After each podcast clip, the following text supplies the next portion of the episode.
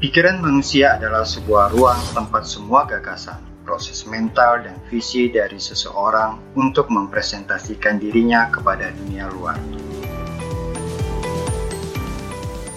Ini adalah Ruang PC, sebuah podcast tentang gagasan dan visi yang ada, apa pun itu, nyata atau tidak, Anda yang menilai. Saya PC adalah host Anda.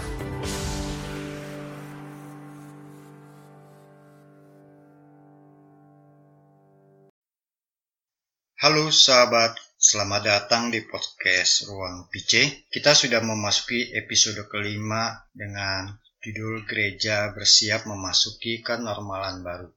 Di episode ini kita akan sedikit melihat konteks baru di dalam hidup menggereja.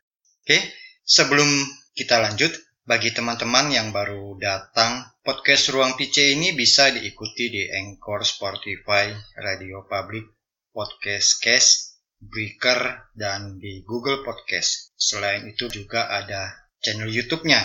Jadi teman-teman tolong cari Ruang PC, lalu di subscribe channel YouTube-nya, lalu like dan share.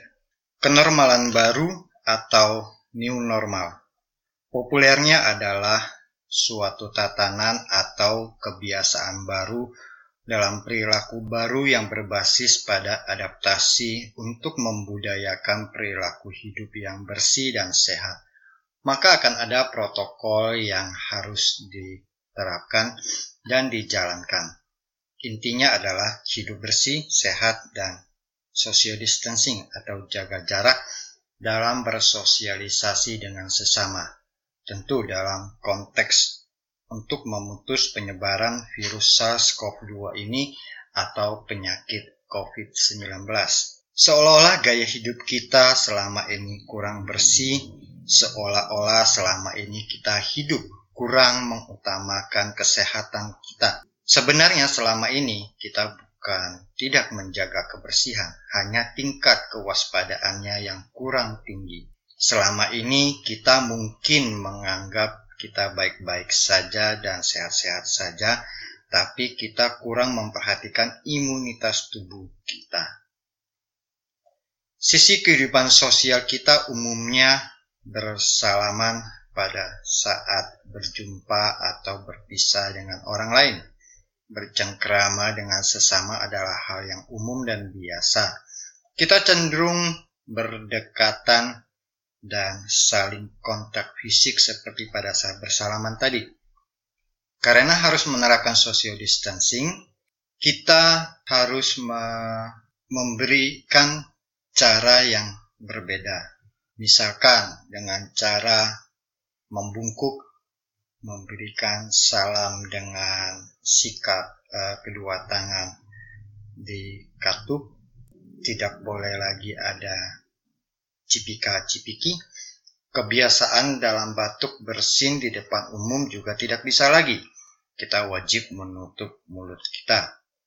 Misalkan yang lain, memakai barang orang lain. Misal meminjam pulpen, meminjam HP, dan lain-lain. Kenormalan baru cenderung mengarah ke perilaku sosial yang berjarak karena konteks COVID-19 tadi. Saya membayangkan bagaimana gereja nanti akan mengalami tantangan di dalam konteks gereja sebagai persekutuan umat beriman, di mana selama ini kita tergabung di dalam suatu kelompok yang memiliki ciri khas dalam pelayanan dan persekutuannya. Misal, kelompok doa karismatik, kelompok doa syafaat, dan kelompok-kelompok persekutuan yang lain. Begitu pula peribadatan yang seharusnya dilakukan bersama tidak bisa dilaksanakan untuk saat ini. Misalkan liturgi. Sebagaimana kita ketahui, liturgi adalah tindakan bersama. Liturgi bukan tindakan individu, tetapi dia adalah tindakan bersama yang dilaksanakan bersama-sama. Dan dia diatur sesuai dengan tatanan liturgi yang berlaku. Di Jakarta, PSBB memang diperpanjang tetapi di dalam rangka transisi menuju new normal.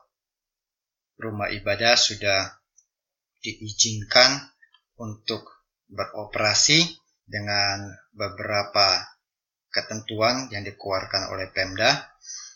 Namun khusus untuk gereja Kuskupan Agung Jakarta masih melakukan sejumlah persiapan di dalam konteks benar-benar siap bukan seolah-olah siap dengan menyusun sejumlah protokol yang sesuai keadaan dan kondisi paroki masing-masing. Tujuannya jelas, yaitu memastikan gereja KAJ tidak menjadi klaster baru di dalam penyebaran COVID-19. New normal oke, okay, tapi new cluster tentu tidak.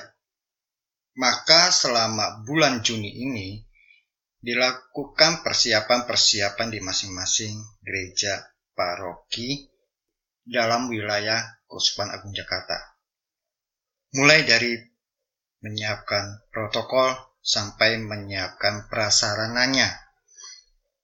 Harus benar-benar siap dan harus dipastikan dipatuhi oleh umat beriman nantinya.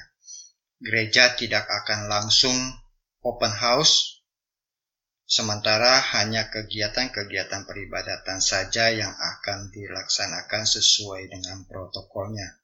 Tidak semua umat beriman juga yang akan mengikutinya karena sebagian masih harus mengikuti peribadatan itu secara live streaming. Akan timbul keraguan dan kekecewaan bagi sebagian umat beriman karena situasi yang tidak kita inginkan ini. Kita tidak bisa terus-menerus sedih dan akhirnya membuat kita patah arang. Adaptasi menjadi kata kuncinya, maka harus juga ada wisdom dari pihak gereja dalam mendampingi mereka-mereka yang tidak memperoleh kesempatan untuk mengikuti peribadatan di gereja atau kegiatan di gereja nanti ke depannya. Teknologi bukan hal baru, walau kita masih sering pakai istilah gagap teknologi atau gaptek. Sejujurnya hidup kita ini telah diatur atau dibuat di dalam suatu masa di mana teknologi yang telah menjadi tatanan sosial kita saat ini.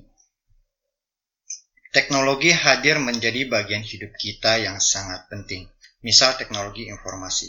Kita sudah terbiasa dengan membaca berita online. Ramalan cuaca, ramalan ini dan itu secara uh, online. Membaca peta atau menggunakan peta untuk mengarahkan kita menuju suatu tujuan. Dan yang paling pesat dari semua itu dan yang benar-benar merubah hidup manusia sekarang adalah pengaruh media sosial. Misal live streaming berlangsung dengan sarana media sosial. Ada Facebook dan juga YouTube ya yang berlaku atau bisa dipakai di dunia kita saat ini, terutama dunia yang dalam tanda petik pengaruh barat atau kubu barat.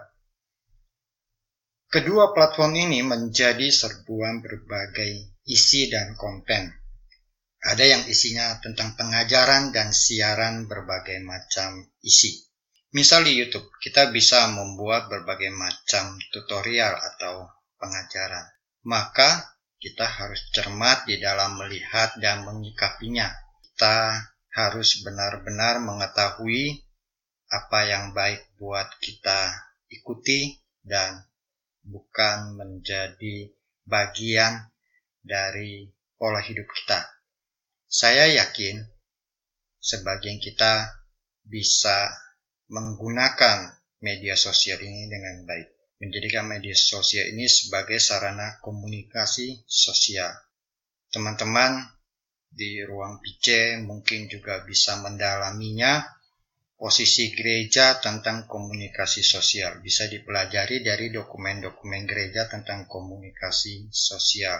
Komunikasi sosial ini juga diangkat oleh Gereja Katolik Universal sebagai suatu bagian yang sangat penting dan ini dirayakan setiap tahun. Ya, kemarin-kemarin kita bersosialisasi atau melakukan suatu sosialisasi dengan bersama-sama, misalkan berkumpul di aula gereja dan ada interaksi di situ ada sesi tanya jawab dan berbagai macam. Besok sosialisasi itu akan disampaikan melalui video yang disiarkan melalui jejaring sosial, media komunikasi sosial. Kita akan rapat menggunakan Zoom. Berbagai macam pengajaran akan disampaikan melalui streaming. Saya rasa memang harus demikian Jujur saja, konten yang berisikan tentang kekatolikan masih sangat kurang di platform di atas, terutama di YouTube. Di YouTube yang isinya tentang kekatolikan itu masih sangat sedikit. Kalaupun ada, sangat lemah isinya. Kurang greget gitu loh.